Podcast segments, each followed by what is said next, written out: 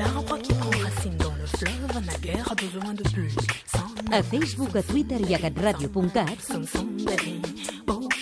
Solidaris amb Adrià Bas. I fins les 4 a Catalunya Ràdio. Avui, uns solidaris per protegir els defensors dels drets humans, com la Victoire Ingabire, de Ruanda. Qui és? Li hem demanat al nostre col·laborador i membre de l'Àgora Nord-Sud, en Miquel Carrillo. Sinzi igihe nsigaje ku isi sinzi umubare w'inyenyeri Aquesta setmana obro el mail i veig un missatge d'ajuda, com tants d'altres que arriben. Una dona africana, la Victoire Ingabire, lluita per recuperar la seva llibertat i potser l'esperança de tot un continent davant el Tribunal Africà dels Drets Humans i dels Pobles. Aquest es pronunciarà en pocs dies sobre l'apel·lació que va presentar perquè revisi la sentència d'empresonament de 15 anys que pesa sobre ella per part del govern de Ruanda, dels quals ja n'ha fet 6 entre reixes. No us enganyeu, l'Àfrica en té molta esperança i mai la perdrà, com Amèrica Llatina i tots els pobles del món que viuen oprimits.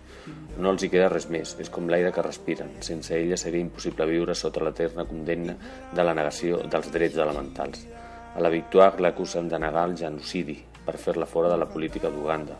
El bloguer saudí Raif Badawi porta al mateix temps a presó acusat d'insults a l'islam i apostasia i a la Berta Cáceres la van sentenciar fa un any amb un tret al cap per defensar els béns comuns, com van fer amb milers de companys i companyes de lluita que mai sortiran a cap notícia.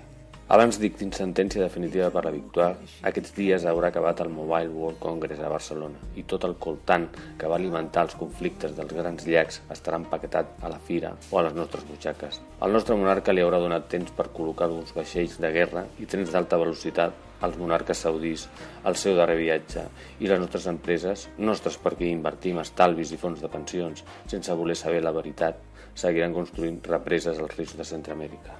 No es tracta de decidir entre el nostre atur i el patiment d'altres, com s'expulsava de sobre davant les càmeres, també aquesta setmana, l'alcalde de Cádiz, ara expacifista, de tenir la culpa o no, sinó d'assumir que tots hi col·laborem i tenim una responsabilitat en què a molts llocs del món no hi hagi ni drets, ni pau, ni llibertat, sinó presons i cementiris, tots plens.